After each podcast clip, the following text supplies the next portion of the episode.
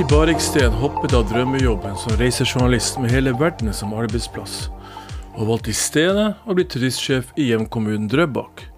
Hva i all verden tenkte hun på? Du lytter til Way to go, og mitt navn er Bjørn Moholt. Det er ikke mange forunt å få muligheten til å reise verden rundt på andres regning. I ung alder fikk Mari Bariksten sjansen til det, og grep den med begge hender. Så tok livet en annen vending. En jobb som appellerte til hennes dypfølte røtter for hjemstedet. Velkommen til Way to go, Mari. Tusen takk. Du, du sitter i dag altså som turistsjef i nissebyen eh, Drøbak. Hvordan, hvordan er det? Det er eh, veldig spennende. Eh, en veldig annerledes eh, jobb enn det jeg tidligere har hatt. Mm. Men jeg får også brukt mye av den erfaringen jeg har hatt da, som reisejournalist i Vagabond Reiselyst i, i jobben som turistsjef her i Drøbak, føler jeg. Ja, og, og jeg tenkte vi skulle dra lytterne litt tilbake til din, din fortid. Um, du reiste altså verden rundt på oppdrag for da reisemagasinet Reiselys Vagabond, som du her nevner. Eh, hvordan var det? Og hvordan kan, du, hvordan kan du si opp en slik jobb? Godt spørsmål. det å være reisejournalist i Vagabond Reiselyst, jeg hadde den i totalt åtte år. Det var jo en drømmejobb uten sidestykke, uh, og et eventyr jeg absolutt aldri ville vært foruten. Uh, Men da turistsjefstillingen i Drøbak ble ledig, uh, da var datteren min to uker gammel. um, Og faktorer som pendling og henting i barnehagen plutselig ble litt viktigere, så følte jeg at jeg i hvert fall måtte prøve å søke på denne stillingen, da. Og så er det jo heller ikke sånn at stillingen som turistsjef i Drøbak eh, vokser på trær. Det gjør jo heller ikke jobben som reisejournalist. Mm. Eh, men det har vært to turistsjefer før meg, eh, og det på eh, 27 år. Eh, så ja. Og var det liksom én jobb jeg ville ha i Drøbak, da, så var det denne. Så da Ja. Nye utfordringer og kort vei til jobb var jo ting som, som fristet når man satt der i ammetåke og hadde en uh, plutselig uh, ja, en annen litt sånn småbarntilværelse, da, uh, fremfor seg. Ja, ja, Vi skal snakke litt om det etter hvert, men jeg tenker at for å avslutte den delen av livet ditt som handler om det å reise verden rundt Vi har jo vært sammen på reise, jeg og du, og jeg husker deg jo som veldig veldig dedikert. Og mange tror jo at vi som reisejournalister er på en slags permanent ferie. kan, ikke du, kan ikke du si litt om det? Om hverdagen som en for en reisejournalist? eh, Nå som du kan se litt på den jobben i, i bakspeilet. Ja.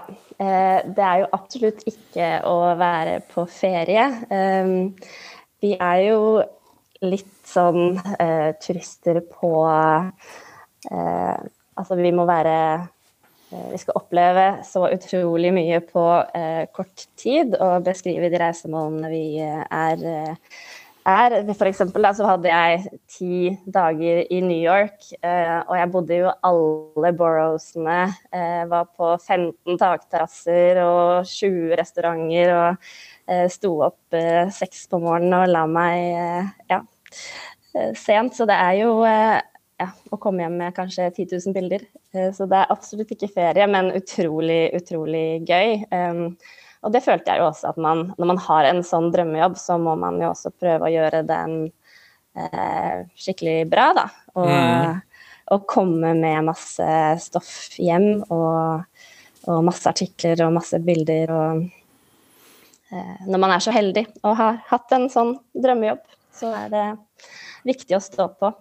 Ja, noen, noen vil mene at det er en umulig oppgave å beskrive New York i løpet av kort tid. Jeg fikk en oppgave å gjøre det på fire dager. og Hvordan kan du da beskrive en by med Bare Manhattan har to millioner mennesker og 10 000 gallerier, så det er eh, tilsynelatende en, en umulig oppgave. Og da er du litt inne på det at da må du tre til, eh, trå til verket. Og, og det er ikke noe hokus pokus. Og det er en del verktøy du har i kista di som du kan da da å bruke, tenker jeg. Um, uh, mm, og mye research på forhånd, og forberede seg godt og ha intervjuene klare. Og bruke hvert minutt av de dagene man er der til å til å jobbe og innhente informasjon.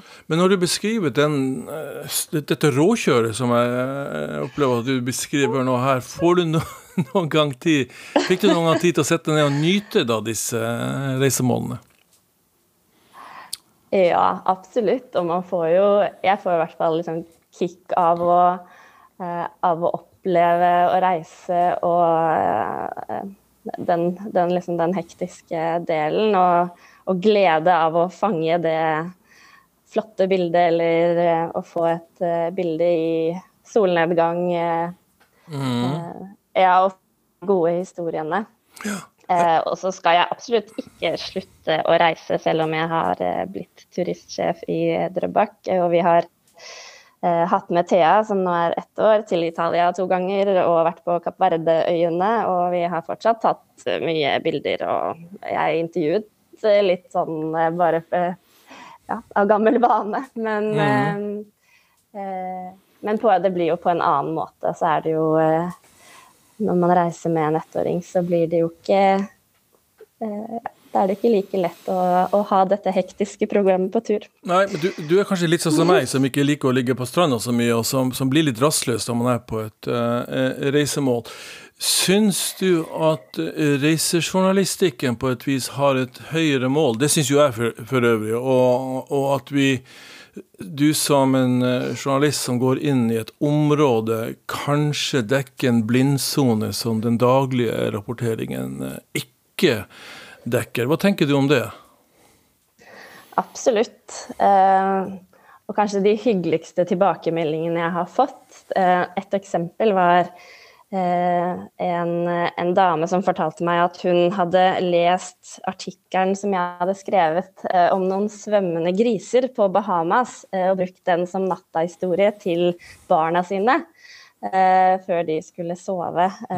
så det er jo liksom mye det å Ja, det er mye eventyr og det å liksom kunne reise seg bort i, i, i reisejournalistikken da, for de som er hjemme og Eh, ja, altså ja. i det hele tatt det å beskrive dagliglivet eh, til folk, det føler jeg jo eh, ikke skjer. Nå er det jo veldig, veldig mye av det, det, stoffet man leser i aviser og magasiner, er jo problematisert Eh, det handler ofte om, om negativt ladete situasjoner, og mens den daglige rapportering som handler om de positive sidene, eh, på en måte blir litt eh, borti dette her.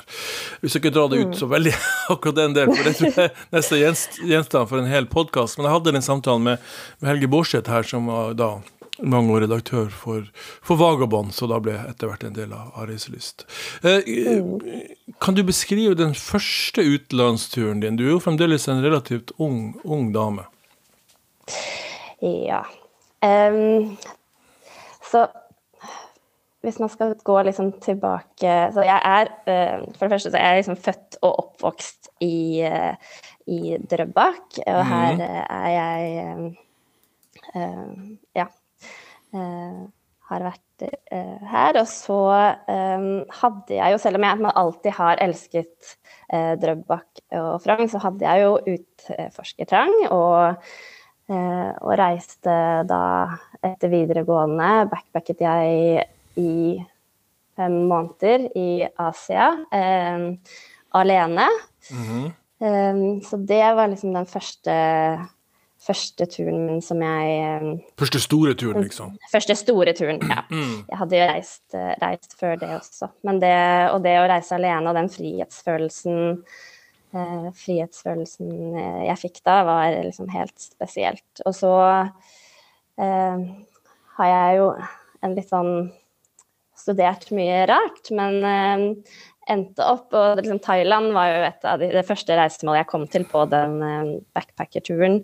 Um, og endte opp med å skrive bacheloroppgaven min om, om ladyboys i Thailand på et senere tidspunkt. Som mm -hmm. uh, ga grobunn til at jeg uh, hadde en liksom, stor drøm om å bli reisejournalist. Uh, og faktisk kontaktet Helge Bårdseth og var med han på reisejournalistskrivekurs til Marokko og Essaouira. og så studerte mediekommunikasjon, da, og så fikk jeg en jeg var så heldig å få en praktikantplass i reiselyst.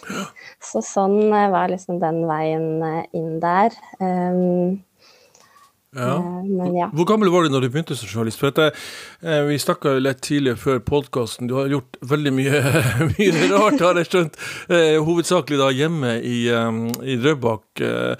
Eh, eh hva, eh, hva, var det første møtet med journalistikken, og hva var det som egentlig initierte det ønsket om å bli journalist? journalist? Var det denne hva skal jeg si, sosialantropologiske tilnærmingen til da, dette fenomenet Ladyboys i, i Thailand? Ja, det var nok det som var, uh, var starten. Mm. Og som Før det, så Det var jo ja, første året når jeg studerte utviklingsstudier. da dro jeg og tre medstudenter til Dar es Salaam og Tanzania for å skrive en feltoppgave om korrupsjon. Det var kanskje det aller første. Og da intervjuet vi Eh, folk i ulike jobber og roller i, Dar es Salaam om korrupsjon. Um, og det var liksom den første sånn intervju intervjusituasjonene mine. Eller, ja.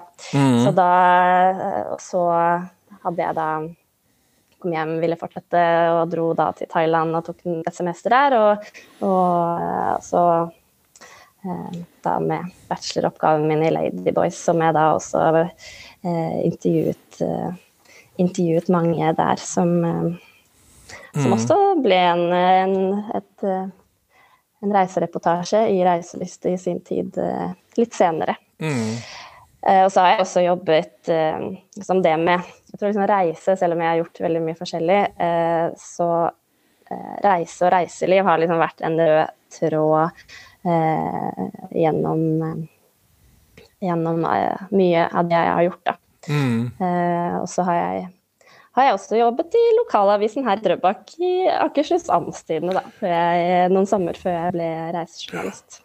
Det er en veldig undervurdert øvelse for de som ønsker å bli journalister. Det er å ta jobb i en lokalavis, og gjerne lokalavis som har, som har mye som skjer i, den, i, det, i det, distriktet. Jeg er jo sjøl eh, fostra opp på firmaet Arbeid Hammerfest. Og det var jo en helt fantastisk skole, eh, vil jeg påstå, som egentlig forma både meg som journalist, men også som menneske, vil jeg hevde.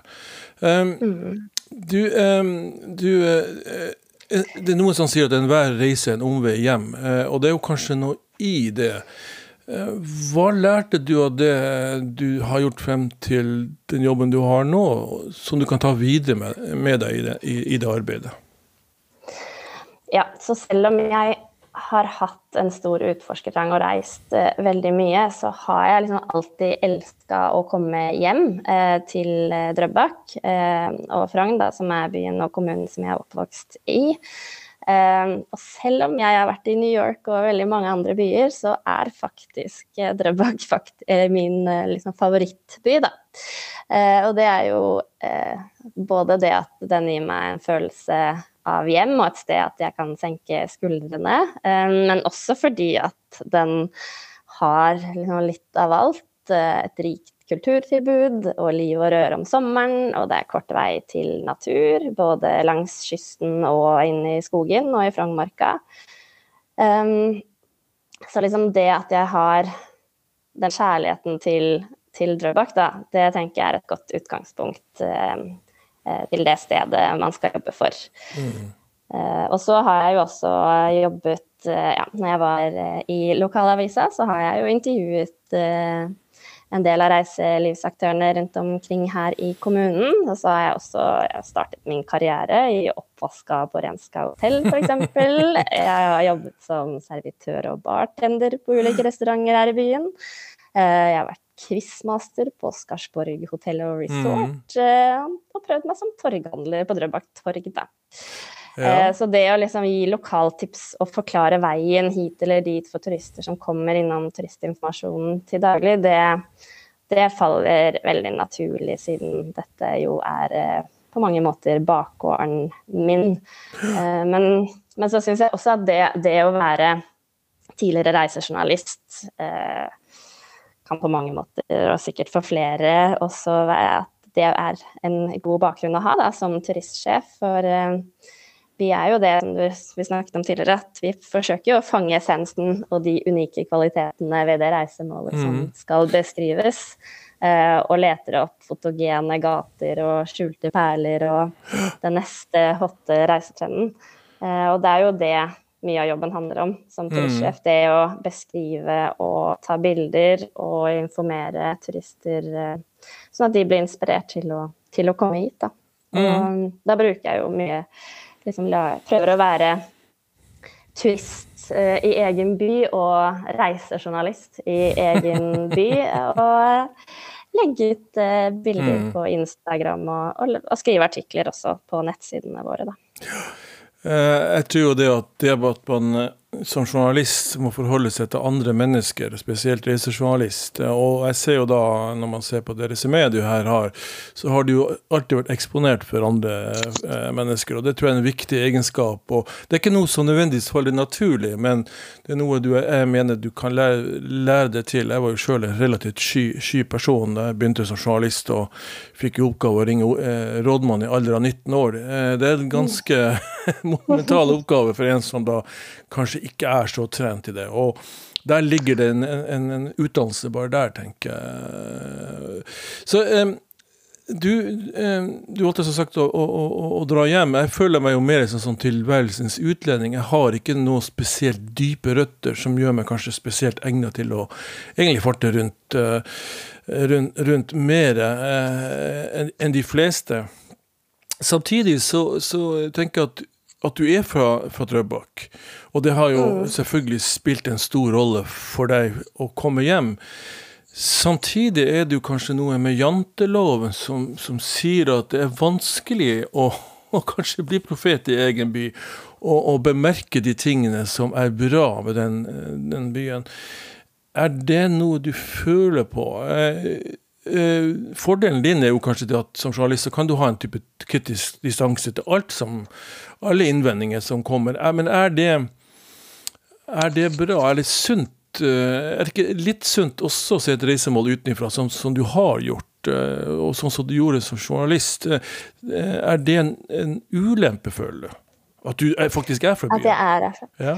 Eh, nei, jeg tror jo at det er en, en fordel, men det er jo liksom den, den, kombinasjonen, da, og det tror jeg jo er mye av grunnen til at jeg fikk jobben. Det at jeg har den internasjonale erfaringen, og det at jeg liksom har sett hjemkommunen min med mm. nye briller når jeg kommer hjem fra reiser rundt omkring i verden. Eh, mm. Men så har jeg også den liksom, kjærligheten og lokale forankringen eh, og erfaring med tekst og foto og sosiale medier. Eh, og så er det jo det liksom at jeg, liksom, jeg kjenner jo kjenner jo mm. området her godt. Eh, så jeg tror at liksom, det er eh, At uh, mange ser på det som positivt at jeg er, er herfra. at byen kom hjem, ja. jeg skjønner. Jeg, mm. og da får man jo en helt Ja, en jeg husker jo man, man, har jo historien med seg. Man mm. har jo vokst opp her. Man har jo som barn eh, sittet og pilla reker på Breggekanten. Ja, fortell, fortell, litt om det. Fortell litt om disse barndomsminnene. For, for altså, eh, det sier jo all litteratur og all forskning, og ikke minst i psykiatrien, så er det jo de formative årene som, som, som brennemerker deg for alltid, eh, emosjonelt og erfaringsmessig. Hvordan kan du fortelle meg litt om ditt barndomsparadis i Drøbak? Og som du kanskje underbevisst ønsker å hente frem igjen? Mm. Ja, det er jo liksom den, den avslappende liksom festemningen som jeg husker eh, at jeg liksom tusla ned i båthavna med pappa og kjøpte ferske reker fra, fra rekebåten. Eh, og at det alltid var liksom kort vei til stranda, og eh, liksom, ja, at jeg hadde som, hele somrer i badeparken med venner. Eh, men også at det er så tilgjengelig liksom, til fjorden, og, eh, og båtturer inn i Vestfjorden. At man kan dra på Håøya og telte og bade. Og, og det er liksom at og det er det jeg liksom liker så godt, er at alt eh, ligger så på et så kompakt område. Jeg trenger ikke å bruke Jeg trenger ikke å kjøre bil. Jeg kan gå til både fjord og, og Frognermarka og eh, Og så syns jo jeg Jeg har ja, det har jeg. Jeg har alltid elsket å bo i, i Drøbak. Og selv når jeg bodde i Oslo, så dro jeg hjem til Drøbak i helgene. For jeg syns det var mer behagelig å være her. Men så har jeg hatt venninner også som syns at Drøbak ble altfor lite, og som flyttet til Oslo så fort de kunne. Mm. Men det har jeg liksom den Jeg bare syns at det har vært en sjarmerende del, da, den småbyidyllen hvor alle kjenner alle med trehusbebyggelsen og ja, den der avslappende liksom ferie, feriestemningen. Mm. Um, men er, er, idyllen eh, like åpenbar? Er det slik at du føler at uh, at bygdedyret ikke, ikke, er der, men at det er en tilværelsens letthet over, over, denne lille idyllen ved havet. Jeg har litt av den samme følelsen, jeg har sikkert nevnt det før i disse podene. Jeg har et lite sted i Italia hvor jeg reiser til. Og der er det et lite sted, og jeg har litt av den samme følelsen som du her beskriver.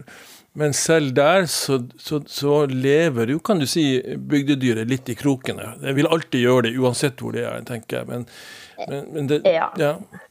Og det, det, gjør det nok. Men jeg har liksom alltid Ja, jeg har ikke blitt så mye utsatt for det. Og jeg har alltid mm. syntes at det har vært uh, Sett de positive sidene med, med denne mm. ja, småbytilværelsen. Ja. Så det jeg tror, jeg tror, jeg tror det masse, masse gode barndomsminner. Ja, jeg tror du har et poeng der. fordi at eh, når du har vært ute i verden og sett alt det du har sett, eh, opplevd det du har gjort, så, så ser du at det er det samme der. Og så begynner du å, å, å, å, vekte det opp mot uh, det du har av hjemme. Da ser du at det er, det er som bagateller å regne, og det er veldig lett å overse det. Så jeg ser den, altså.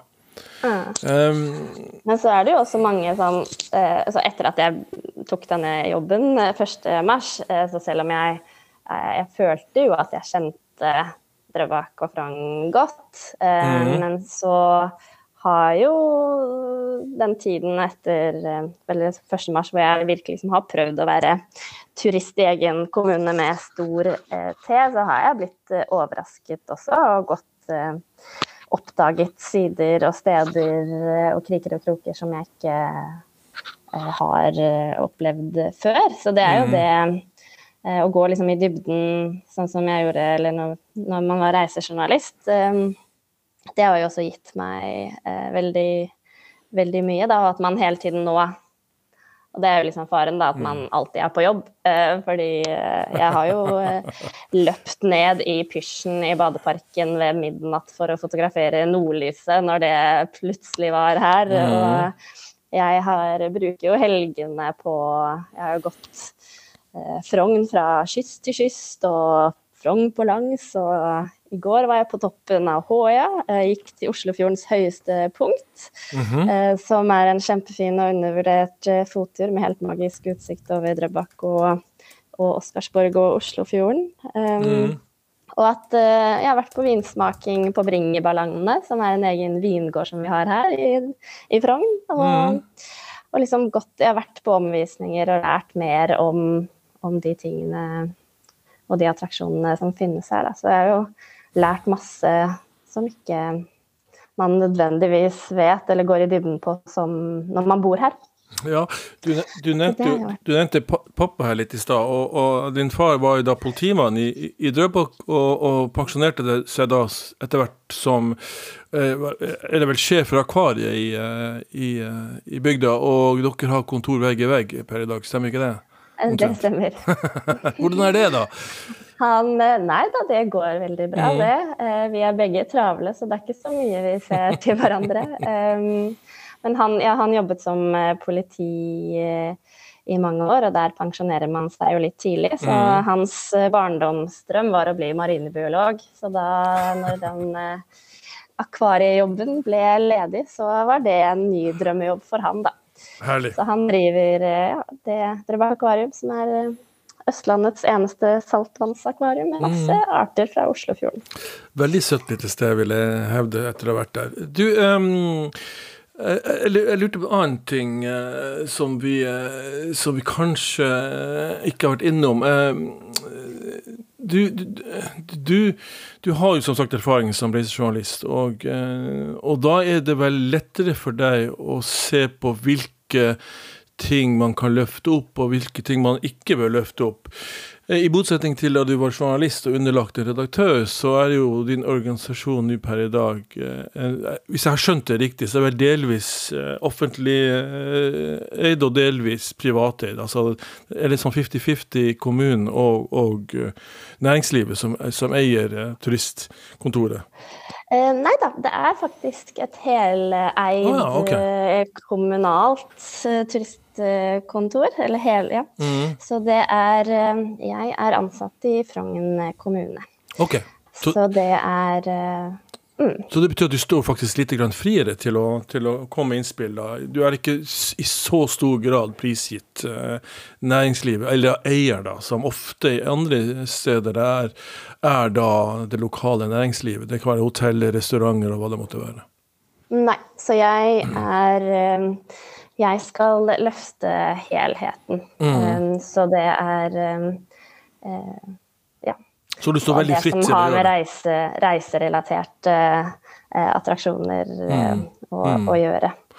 Så det er jo en um, Ja, så jeg Spennende. har frihet til, frihet til, å, til å løfte, løfte Drøbak og Frogn som, som helhet, da. Ja, og, og, når du er inne på eh, hva man kan oppleve der, er det, er det, attraksjoner her som man egentlig bare farer forbi når man kommer fra Oslo eller andre steder av landet for å besøke Drøbak? Er det ting her man overser veldig fort? Så du, ja. så du vil gjerne fremheve her og nå? Eh, det er jo veldig mange ting.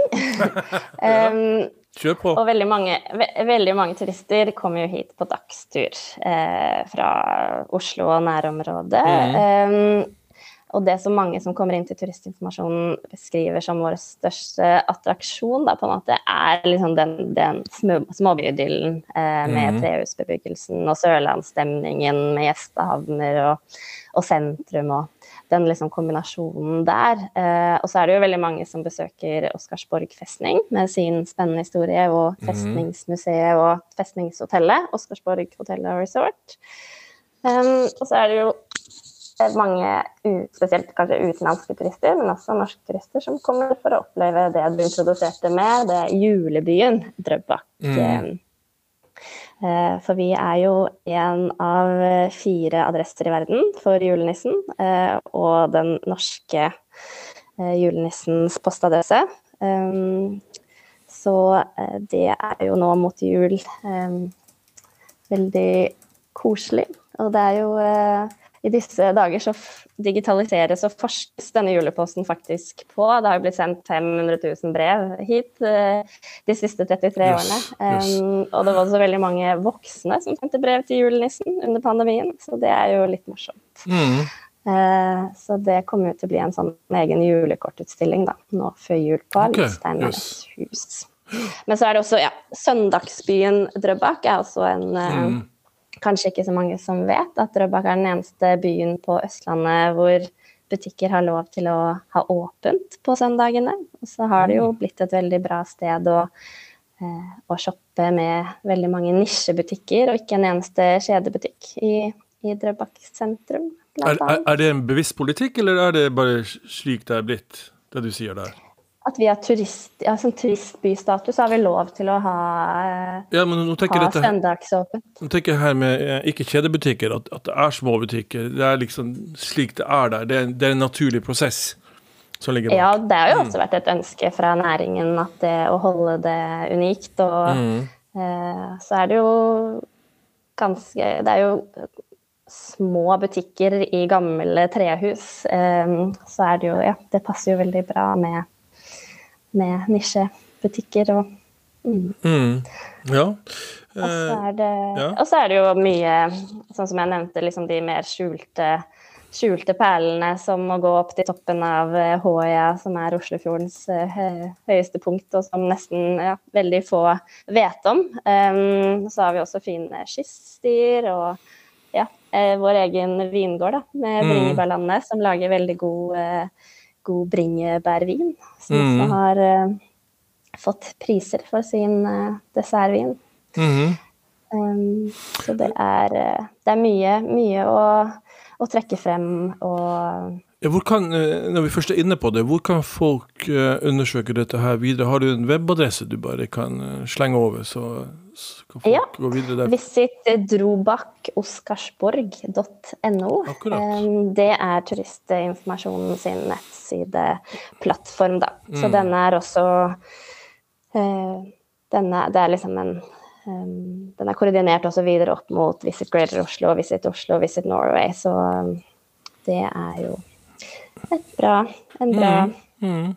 Kjempefint. Du, eh, du, nevnte her at folk kommer ofte på dagsturer til Drøbak, og det er ikke så mange da som tydeligvis overnatter. Men hvis man ønsker det, og, og jeg vil jo anbefale de fleste som har muligheten til å bli litt lengre og, og, og oppleve kan du si, en natt eller to på et sted. Absolutt. Eh, kan du si litt om det? Fordelene og ulempene? Dere har da gode eh, overnattingssteder som folk kan eh, sjekke inn på? Absolutt. I sentrum av Drøbak så har vi historiske Renskau hotell, som også nå nylig har fått en veldig fin og nyoppusset The Lobby, som er en kombinert resepsjon og restaurant. Mm. Det er jo et over 100 år gammelt hotell hvor Kristiania-bohemen bl.a. festet uh, i sin tid. Um, men nå får man, når man går inn i The Lobby, da, så får jeg i hvert fall litt sånn assosiasjoner til, uh, til New York, som vi snakket med mhm. tidligere. Mm. Så det er mhm. absolutt et veldig fint sted å overnatte. Um, og så har vi Oscarsborg hotell og resort, som ligger på Oscarsborg. Som mm. ligger ti minutter med ferje fra Drøbak. Uh, om sommeren så har vi også to gjestehavner, både i Drøbak sentrum og på Oscarsborg. Mm. Den på Oscarsborg ble faktisk kåret til Den kom på andreplass over uh, Norges koseligste eller beste gjestehavner mm. uh, tidligere i år. Så det er absolutt mulig å komme med, med båt og overnatte i båt også. Mm. Og så har vi fått et uh, unikt overnattingssted uh, nest Bunnefjorden, som ligger i Nordre Frogn. Mm -hmm. uh, som er en speilglasshytte hvor man kan leie for en romantisk overnatting. Og der er det både boblebad og egen badstue. Og veldig fin utsikt over, over Bunnefjorden. Mm. Mm. Så det er eh, Og så er det jo mange om sommeren og hele året som leier ut eh, boligene sine på Airbnb eh, og sånn også, da. Ja, altså, det, det, må jeg si at det har jo vært med å utvikle, vil jeg påstå, ganske mange steder i distriktene. Mange er ikke klar over det, men Airbnb er faktisk størst i Lofoten, ikke i Oslo, som mange tror. Så, så, det har jo vært med å, å tror jeg, demokratisert en del av, av dette markedet og, og, skapt en annen dynamikk. Så kan man sikkert diskutere eh, andre sider ved det, skattepolitikk osv., men jeg tror at den formen for overnattingsalternativer har sterkt bidratt til at distriktene i større grad kanskje er kommet på kartet for de som reiser ut i verden. Eh, du, eh, mm. generelt med din erfaring fra utlandet, kan du si noe om norsk reiseliv? Pluss eller minus. Det er jo kanskje en sånn forretningshemmelighet fra din side, da, men, men, eh, har du noen råd her til andre i norsk reiseliv? For du har jo da reist rundt i Norge også, ikke bare i utlandet, men du har reist ganske mye rundt i, i det langstrakte landet vårt og gjort deg opp noen meninger. Hva er det man gjør feil, føler du, og hva er det man gjør riktig, ikke minst? Jeg syns det er veldig, veldig mange flinke norske destinasjonsselskaper og turistkontorer rundt omkring i Norge. Um, uh, og sånn generelt om norsk reiseliv nå, så har vi jo virkelig sett at reiselivet er sårbart og kan berøres av veldig mange faktorer de siste årene. Men jeg tror også det at vi har innsett innsett hvor mye det å reise liksom betyr for oss. Eh, og at vi også har oppdaget det at reise ikke nødvendigvis da trenger å bety en storbyferie til eh, New York. Da. Det kan også bety i større grad å utforske nabokommunen og nærområdet, eh, nærområdet sitt. Og så tror jeg det er viktig å tenke mer og mer fremover også at Og det pleier jeg, jeg har det som en tanke i bakgrunnen, at det at reisemålet, det at Frogn og Drøbak, det skal være et fint sted å besøke, men det skal først og fremst også være et veldig fint sted å bo. Um, så det handler mm. liksom, Den, den tosidigheten der da, tror jeg liksom blir viktigere og viktigere fremover. At det ikke nødvendigvis handler om å få besøk av så mange turister som mulig, men mm. uh, at liksom, ikke, ikke, riktige turister, men turister som kanskje bryr seg om bærekraft, og som legger igjen penger på reisemålet, og at liksom, den turist turisme da ikke skal gå på bekostning av tilfredsstillheten til de som, mm. som bor her, men det skal tilføre noe. Um, ja, altså et, et, Ja, kjør på. Ja, at, um, ja, at det skal um, Så er det liksom en Vi skal lære av hverandre, og uh, det skal være en vinn-vinn. Og, og, det er jo det at når jeg kommer et sted hvor, hvor det er eh, genuint, og det ekte og uh, Ja, det, det er jo de reisemålene som, som setter spor. Um, ja, altså, jeg, jeg, jeg, tror du har et veldig viktig poeng der. fordi at jeg tror at de som kommer inn til Norge, eh, de er, er som regel da folk med, med eh, relativt god utdannelse relativt god økonomi. Og da er forventningen tilsvarende. Og da skal de ha noe som er ekte, og, og som de føler er, er da da noe eh, som representerer, kan du si, eh, det, det, stedet. Og da er jo det du sier her, at folk faktisk bor der, helt vesentlig. De vil ikke mm. komme til et, eh, et, et tomt skall. Det medfører selvfølgelig en del utfordringer også. Mye kritikken mot Norge har jo vært tidligere i hvert fall at Norge er et fenomenalt land, men ikke minst fra naturens side så er vi velsignet med med noe helt spesielt. Men det er i utgangspunktet bare råvaren. Eh, det er jo hvordan du som gjest blir tatt imot eh, av lokalbefolkning, som til syvende og sist betyr noe. Det er de små øyeblikkene man husker. Det kjenner du sikkert, sikkert igjen fra, fra ditt eget liv som, som reisejournalist. Og det er ofte det man tar utgangspunkt i en artikkel, tenker jeg da, i hvert fall for min del. Mm. Så da er jo det litt sånn eh, viktig å ha litt eh, med seg. Og da tenker jeg også for, for reiselivet generelt sett at her, her, føler jeg av og til at det mangler noe eh, i, den, i, den, forestillingen som, som skapes. At eh, det er de møtene, de utlendingene vil utgå. Og jeg syns det er veldig hyggelig og flott at du har det med deg. Og det tror jeg faktisk er en av de tingene som gjør at det at du tilfører noe der som kanskje ikke har vært mm. Eh, til stede tidligere.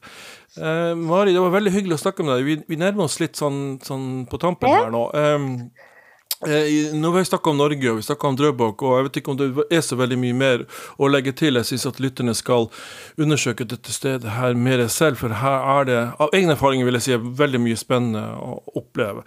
Og bruke litt mer tid enn å bare uh, høvle over det, som vi sier i Nord-Norge, i løpet av noen timer. Bli gjerne natt. Eh, så mm. setter stedet seg litt uh, med det. Um, du har vært mye i utlandet, har vi snakket om. Er det noen steder i utlandet som spesielt appellerer til deg? Veldig mange. Um, ja. og, men sånn Hvis jeg skal se på forbilder um, mm.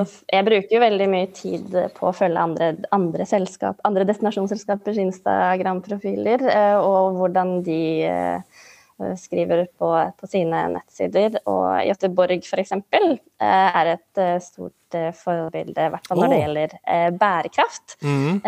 De ble jo kåret til verdens mest bærekraftige by i 2021. Satser veldig mye på fornybar energi, restauranter med lokalmat og gode forhold for bl.a. sykkelturister. De har også en veldig fin Instagram-profil. Og så besøkte jeg eh, Göteborg i mai tidligere i år, og da oppdaget jeg også liksom, med nye øyne nå som man er turistsjef, at de er veldig flinke på å skilte. Liksom skilte mm. til bydeler og attraksjoner i eh, bybildet sitt, som gjør at det er liksom veldig enkelt og, og oversiktlig å ferdes eh, både til fots og på sykkel. Så det, det var inspirerende, og mm. noe jeg kan ta med meg hit da, og prøve å, å forbedre her i Frogn. Um, men så er også New Zealand, vil jeg si. Et, et forbilde. Mm. Og kanskje spesielt når det gjelder liksom, den naturlige gjestfriheten sin. Um, og det er ikke bare fordi jeg har en samboer fra New Zealand, men uh, jeg føler i hvert fall de tre gangene jeg har vært der, at uh, de er liksom naturlig ja, naturlig gjestfrie, naturlig hyggelige og veldig, veldig ekte. Og så er mm. så det Pure New Zealand, som er deres svar på Visit Norway, de er også veldig, veldig flinke til å, til å trekke frem uh, New Zealand som land, da. Så mm. det ja, det er masse, masse inspirasjon å hente, ja. eh, hente der ute i den store verden. ja, så du kan tenke virkelig på det. Det er veldig fint. Eh, eh, og jeg er jo enig med deg med Göteborg. Det er utrolig hva svenskene får til.